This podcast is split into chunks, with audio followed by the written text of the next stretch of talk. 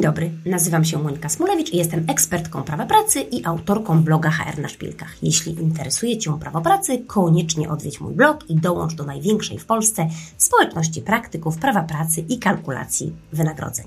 A już teraz zapraszam Cię na najnowsze wydanie HR Detektywa, w którym odpowiadam na pytania czytelników mojego bloga o Polski Ład, wyjaśniam znaczenie zwrotu chory może chodzić na zwolnieniach lekarskich, komentuję stan prac nad nowelizacją kodeksu pracy, przywołuję ciekawe orzecznictwo w zakresie mobbingu i utraty prawa do zasiłku, a także tłumaczę, dlaczego działy kadrowo-płacowe powinny już teraz przygotować się do wdrożenia zmian w kodeksie pracy. To konkretne, fachowe i finansowe powody. Subskrybuj mój kanał i zaczynamy. News pierwszy. Niskie podatki już od 1 lipca. Odpowiadam na pytania czytelników mojego bloga. Już za kilka chwil, a dokładnie 1 lipca, wejdą w życie przepisy znowelizowanej ustawy o podatku dochodowym od osób fizycznych, czyli tak zwany Polski Ład. Z zasobów mojego bloga możesz bezpłatnie pobrać serię kalkulatorów zaktualizowanych o zmienione przepisy, czyli brak ulgi dla klasy średniej, niższą stawkę podatku w pierwszym przedziale skali podatkowej, czyli 12% i wiele innych funkcji. Czytelnicy bloga pytają, czy to prawda, że zasiłek macierzyński będzie teraz zwolniony z PIT. Urzędnicy Ministerstwa Finansów potwierdzają, że zasiłki macierzyńskie otrzymywane przez podatników, do których adresowana jest ulga PIT-0, czyli ulga dla młodych, ulga na powrót, ulga dla rodzin 4 oraz ulga dla pracujących seniorów nie będą rodziły obowiązku zapłaty podatku, jeśli razem z pozostałymi przychodami objętymi tymi ulgami nie przekroczą w skali roku kwoty 85 528 zł. Co ważne, płatnicy będą stosować to zwolnienie na wniosek podatnika już od 1 lipca 2022 roku. W rozliczeniu rocznym zasiłki te będą podlegały zwolnieniu już od 1 stycznia 2022 roku. Zauważ również, że zgodnie z ustawą zasiłkową zasiłek macierzyński przysługuje przez okres ustalony przepisami kodeksu pracy jako okres urlopu macierzyńskiego, urlopu na warunkach urlopu macierzyńskiego, urlopu rodzicielskiego oraz urlopu ojcowskiego. Dlatego wszystkie wymienione zwolnienia od pracy również będą zwolnione z opodatkowania dla wymienionych wcześniej grup podatkowych w przypadku pobierania przez te osoby zasiłków macierzyńskich. Dodatkowo pamiętaj, że od 1 lipca od tak zwanych małych umów zleceń, czyli opodatkowanych zryczałtowanym podatkiem dochodowym umów cywilnych, których wysokość opiewa na kwoty do 200 zł, odprowadzamy podatek w wysokości 12%. Znając życie, spodziewam się, że 1 lipca skrzynki pocztowe pracowników działów kadrowo-płacowych zapłoną od wiadomości, czy muszę złożyć PIT-2. Poinformuj pracowników, że wszystkie dotychczas złożone oświadczenia, w tym PIT-2, pozostają w mocy. Dotyczy to również pracowników w wieku do 26 roku życia. Ulga PIT-0 przysługuje im automatycznie na mocy ustawy. Na koniec jeszcze jedno potwierdzenie, gdyż to pytanie pojawia się dość często na naszej grupie wsparcia na Facebooku. Czy kalkulując wynagrodzenie, w dalszym ciągu musimy porównywać wysokość składki zdrowotnej do 2021 roku? Niestety tak.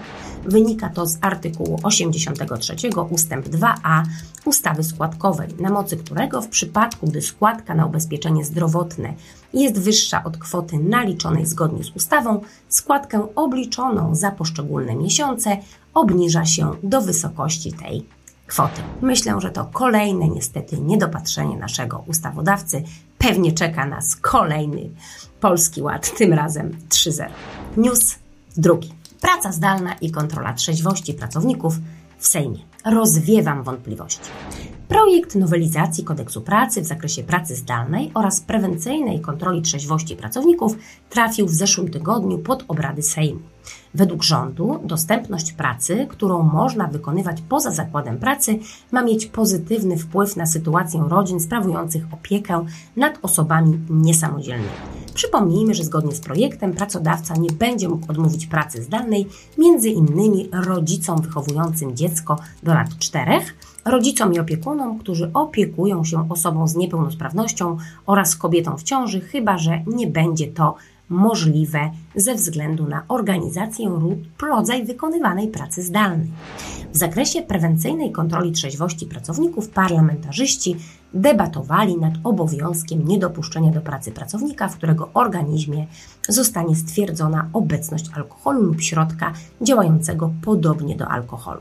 Jak zakłada autor projektu, czyli resort pracy, w przypadku, gdy znajdzie uzasadnienie podejrzenie, że pracownik stawił się do pracy w stanie nietrzeźwości, w stanie po użyciu alkoholu lub środka działającego podobnie do alkoholu, bądź spożywał alkohol lub zażywał wymienione środki w czasie pracy, pracodawca będzie miał obowiązek niedopuszczenia go do pracy, zaś obu stronom przysługiwało będzie prawo do przeprowadzenia badań w obecności policji. Wątpliwości posłów wzbudziły nieprecyzyjne zapisy dotyczące rekompensaty kosztów świadczenia pracy zdalnej, a właściwie brak regulacji w tym zakresie, a także 14-dniowe vacatio legis, które jest za krótkie na wdrożenie przepisów nowelizacji, w tym konsultacje ze związkami zawodowymi. Zasugerowano również, że proponowane 24 dni okazjonalnej pracy zdalnej to zdecydowanie za mało, ze względu na chociażby to, że rok liczy 52 tygodnie, stąd wymiar 24 dni nie odpowiada nawet jedynemu dniu pracy zdalnej w tygodniu. News trzeci. Praca podczas zwolnienia lekarskiego pozbawi prawa do całości zasiłku chorobowego, nawet jeśli była efektem przymusu ze strony Mobbera. Sąd Okręgowy w Łodzi wydał wyrok, z którego wynika, że w sytuacji, gdy pracownik świadczył pracę podczas zwolnienia lekarskiego pod przymusem ze strony współpracownika wykazującego działania mobberskie, ZUS ma prawo odebrać zasiłek za cały okres absencji. W przywołanym wyroku sądu wskazano, że pracownica radia funkcji członka zarządu w trakcie zwolnienia lekarskiego dokonywała przelewów wynagrodzeń, wysyłała służbowe maile, udzielała pełnomocnictw czy też brała udział w kształtowaniu umów biznesowych firmy. Wymienione działania zawodowe były skutkiem uporczywego nękania, które powodowało u pracownicy poczucie zagrożenia oraz naruszenia prywatności. Mober wielokrotnie wysyłał jej o różnych porach dnia i nocy wiadomości SMS, dzwonił z różnych numerów telefonów, znieważając ją za pomocą środków masowego przekazu, słowami powszechnie uważanymi za obelżywe oraz pomawiając ją o przewłaszczenie pieniędzy, co mogło poniżyć pokrzywdzoną w opinii publicznej oraz wielokrotnie kierował prośby, groźby rozpowszechniania wiadomości uwłaczających czci. Motywacja do wykonania działań służbowych w czasie zwolnienia lekarskiego i fakt, że były one efektem toksycznej atmosfery i relacji zawodowych zostały uznane przez sąd za pozbawione znaczenia dla rozpatrywanej sprawy. Sąd wskazał, że zgodnie z ustawą zasiłkową ubezpieczony wykonujący w okresie orzeczonej niezdolności do pracy pracę zarobkową lub wykorzystujący zwolnienie lekarskie w sposób niezgodny z celem jego e, z, z, tego zwolnienia traci prawo do zasiłku chorobowego za cały okres tego zwolnienia. Sąd dodał również, że nawet gdyby pracownik świadczył pracę pod przymusem, będąc ofiarą przemocy czy, znęca, czy znęcania i pracował pomimo niezdolności do pracy, to mógłby rościć od pracodawcy prawo do wynagrodzenia, a nie zasiłku chorobowego z ZUS. Z pełną treścią wyroku oczywiście możesz zapoznać się na moim blogu hrnaszpilkach.pl. News czwarty. Chory może chodzić, czyli upoważnienie do wykonywania zwykłych czynności życia codziennego. Skoro już jesteśmy przy zasiłkach, to warto wspomnieć o pewnym ważnym aspekcie kluczowym w kwestii ustalania prawidłowości orzekania o czasowej niezdolności do pracy pracownika. W ostatnim czasie otrzymałam kilka zapytań o konkretne sytuacje, czy osoby ze wskazaniem na zwolnieniu lekarskim chory może chodzić, mogą uczestniczyć w uroczystościach rodzinnych, wyjechać na urlop, zmienić miejsce zamieszkania i tym podobne. Musisz wiedzieć, że zarówno Zakład Ubezpieczeń Społecznych, jak i pracodawca mogą w każdej chwili skontrolować wykorzystywanie zwolnienia lekarskiego w miejscu zamieszkania lub pobytu osoby chorej. Kontrola prawidłowości wykorzystania zwolnień lekarskich e, od pracy z powodu choroby polega na ustaleniu, czy pracownik w okresie orzeczonej niezdolności do pracy nie wykonuje pracy zarobkowej lub nie wykorzystuje zwolnienia do, od pracy e, z powodu zwolnienia lekarskiego w sposób niezgodny z celem tego zwolnienia. Adres, pod którym pracownik przebywa w trakcie absencji chorobowej, znajduje się na zwolnieniu lekarskim. Pracownik ma bowiem obowiązek przekazać lekarzowi, który wystawia zwolnienie lekarskie, swój adres pobytu w okresie czasowej niezdolności do pracy, jeżeli różni się on od adresu zamieszkania pracownika. Pracownik ma także obowiązek poinformować pracodawcę oraz Zakład Ubezpieczeń Społecznych o zmianie miejsca swojego pobytu w trakcie niezdolności do pracy w ciągu trzech dni od tej zmiany. Informacja ta może być przekazana telefonicznie e-mailowo lub za pośrednictwem poczty. Zatem kluczowe pytania pomocne w stwierdzeniu, czy wykonywanie danej czynności jest dozwolone, czy nie brzmią następująco. Czy dana czynność przyczynia się do poprawy zdrowia chorego pracownika? Czy wykonywanie wątpliwej czynności nie powoduje pogłębienia stanu chorobowego? Osoba niezdolna do pracy z powodu choroby, niezależnie od tego, czy lekarz wskazał na druku EZTLA, że chory może, m, powinien leżeć, czy chory może chodzić, powinna powstrzymać się od wykonywania czynności sprzecznym z, z celem zwolnienia lekarskiego, w szczególności takich, które mogą przedłużyć okres niezdolności do pracy. Czas zwolnienia powinien być wykorzystany na rekonwalescencję oraz powrót do zdrowia. Osoba niezdolna do pracy może wykonywać zwykłe czynności życia codziennego oraz czynności związane z jej stanem zdrowia.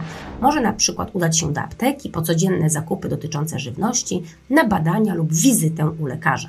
Według Zakładu Ubezpieczeń Społecznych nie są to okoliczności, które mogą stanowić podstawę pozbawienia prawa do zasiłku chorobowego. Również wyjście na spacer w ramach rekonwalescencji w okresie zwolnienia lekarskiego z adnotacją chory może chodzić jest okolicznością usprawiedliwiającą nieobecność osoby kontrolowanej podczas kontroli prawidłowości wykorzystania zwolnienia lekarskiego od pracy. Taka okoliczność nie pozbawia prawa do zasiłku chorobowego.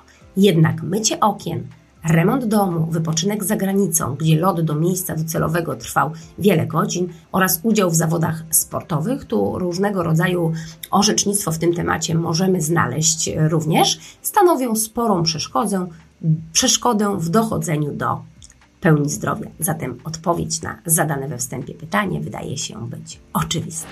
News piąty. Urlop za zgodą pracodawcy.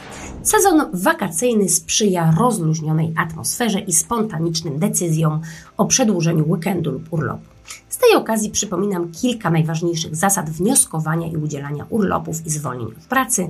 Są one niezwykle ważne w kontekście nowelizacji kodeksu pracy, o czym opowiem na końcu naszego dzisiejszego spotkania. Zaczynamy zatem od podstawowego e, uprawnienia dotyczącego wypoczynku, a mianowicie od urlopu wypoczynkowego. Zgodnie z artykułem 163 paragraf 1 Kodeksu Pracy urlopy powinny być udzielane zgodnie z planem urlopów ustalanym przez pracodawcę, biorąc pod uwagę wnioski pracowników i konieczność zapewnienia normalnego toku pracy.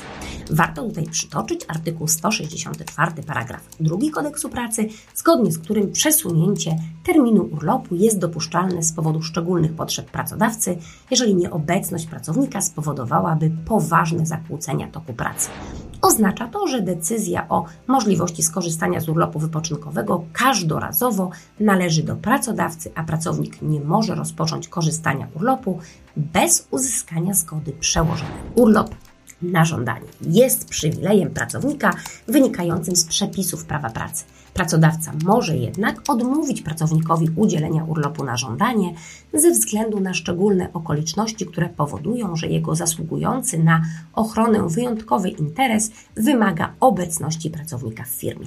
Pamiętaj, że urlop na żądanie jest częścią urlopu wypoczynkowego i podlega takim samym regułom. Udzielany jest więc na wniosek pracownika za zgodą pracodawcy. Pracownik nie może rozpocząć urlopu na żądanie, dopóki pracodawca go nie udzieli. Kolejny urlop to urlop bezpłatny. To zwolnienie od pracy udzielane jest na wniosek pracownika, w którym powinien on wskazać okres, w jakim zamierza korzystać z urlopu bezpłatnego.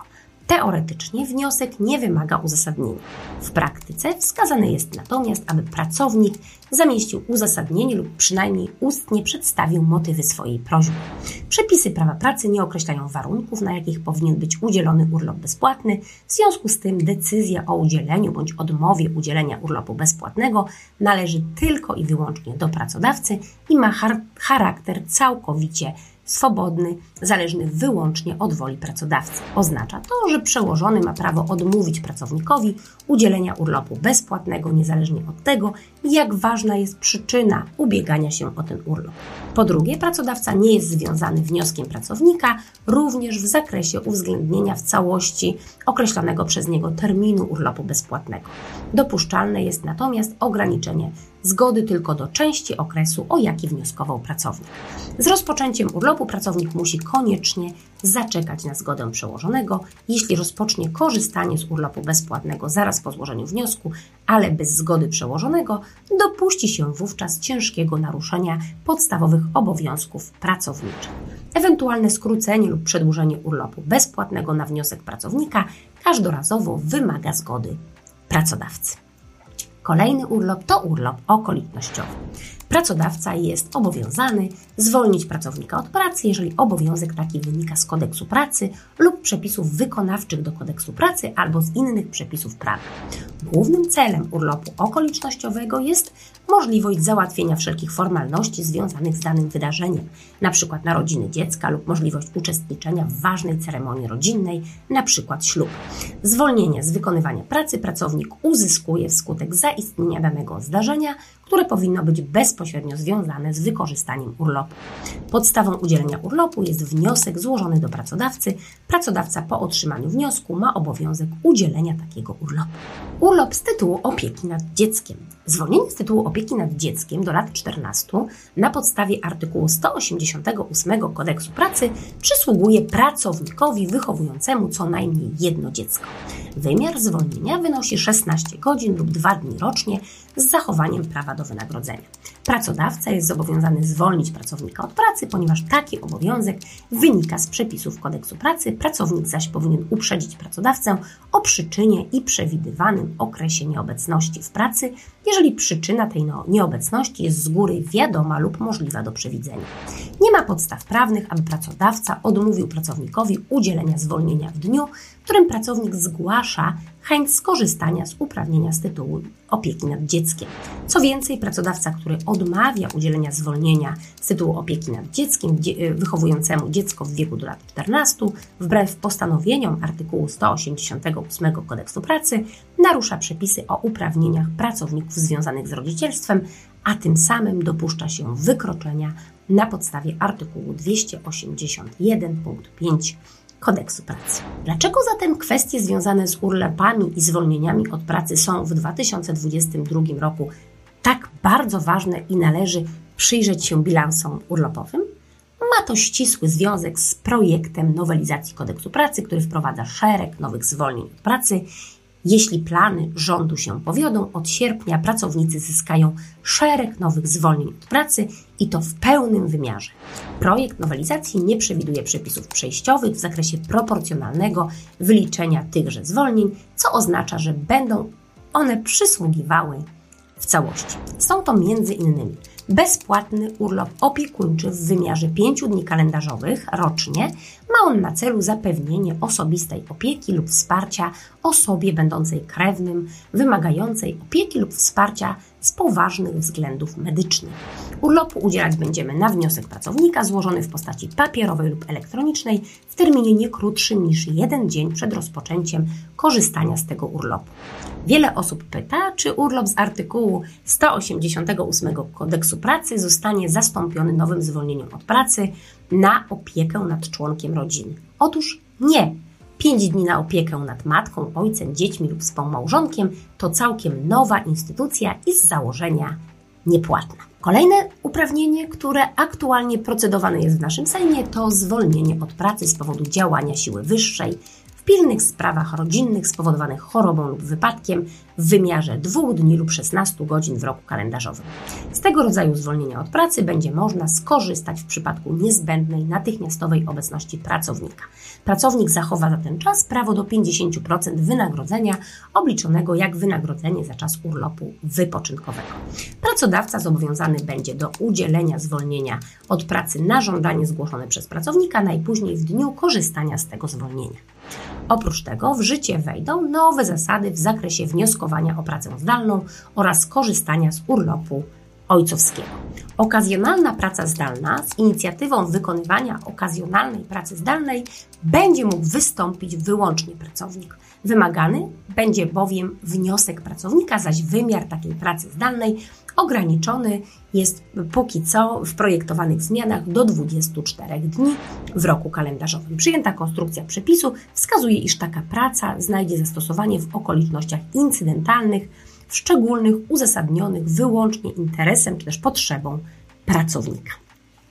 Kolejna projektowana zmiana to skrócenie możliwości korzystania z urlopu ojcowskiego. Możliwość skorzystania z urlopu ojcowskiego zostanie skrócona do 12 miesięcy, czyli do dni, od dnia urodzenia dziecka aż do upływu 12 miesięcy od uprawomocnienia się postanowienia orzekającego przysposobienie dziecka i nie dłużej niż do ukończenia przez dziecko siódmego roku życia, a w przypadku dziecka, wobec którego podjęto decyzję o odroczeniu obowiązku szkolnego, nie dłużej niż do ukończenia przez nie dziesiątego roku życia. Jeśli dzisiaj masz wątpliwości, czy działy kadrowo-płacowe powinny przygotować się do wdrożenia zmian w kodeksie pracy, to informacje, które Ci dzisiaj przedstawiłam, powinny zapalić Ci lampkę kontrolną. 7 dodatkowych dni wolnych od pracy na wykorzystanie w przeciągu 5 miesięcy to ogromne obciążenie dla pracodawców. Nie tyle ze względu na koszt wynagrodzenia, co ze względu na organizację pracy i zapewnienie normalnego toku pracy przy dodatkowych nieobecnościach. W dużych zakładach praca problemu będzie znacząco odczuwalna. Na koniec przypomnę tylko, że vacatio legis nowelizacji kodeksu pracy wynosi według projektu 14 dni, także lipiec będzie miesiącem gorącym, nie tylko ze względu na temperatury, jakie mamy za oknem, ale również na bardzo szybkie tempo, gorące zmiany związane właśnie z nowelizacją przepisów kodeksu pracy od 1 i 2 sierpnia. Mam nadzieję, że masz zaplanowany urlop, że mimo wszystko, mimo tego, że tak ogromne zmiany, bo i zmiany w podatkach od 1 lipca, i zmiany w kodeksie pracy od 1 sierpnia, będziesz mógł, mogła odpocząć. Śledź koniecznie nasze kanały, będziemy Cię na bieżąco informować, a jeśli chcesz uzyskać więcej informacji na temat e, właśnie wchodzących w życie zmian dotyczących Polskiego Ładu 2.0 i zmian w kodeksie pracy, to zapraszam Cię na moją stronę hrnaszpilkach.pl. W zakładce sklep znajdziesz wszystkie szkolenia i webinary, które przygotowałam do dla Ciebie w tym temacie. A teraz życzę Ci miłego dnia i do zobaczenia w kolejnym wydaniu HR Detektywa.